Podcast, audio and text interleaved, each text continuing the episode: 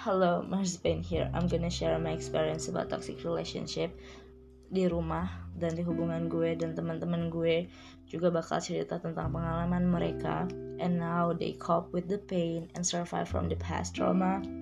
Gue di sini mencoba untuk memotivasi kalian untuk tidak menjadi seperti gue. And I hope if you are in the same situation right now, please seek the proper help, like psychiatrist or someone in the hospital, someone who know better and professional Terus juga if you have stories about everything you feel, you can hit me up on my Instagram, Mars Zapain. So that's it for now. I hope you're okay. Stay safe see ya.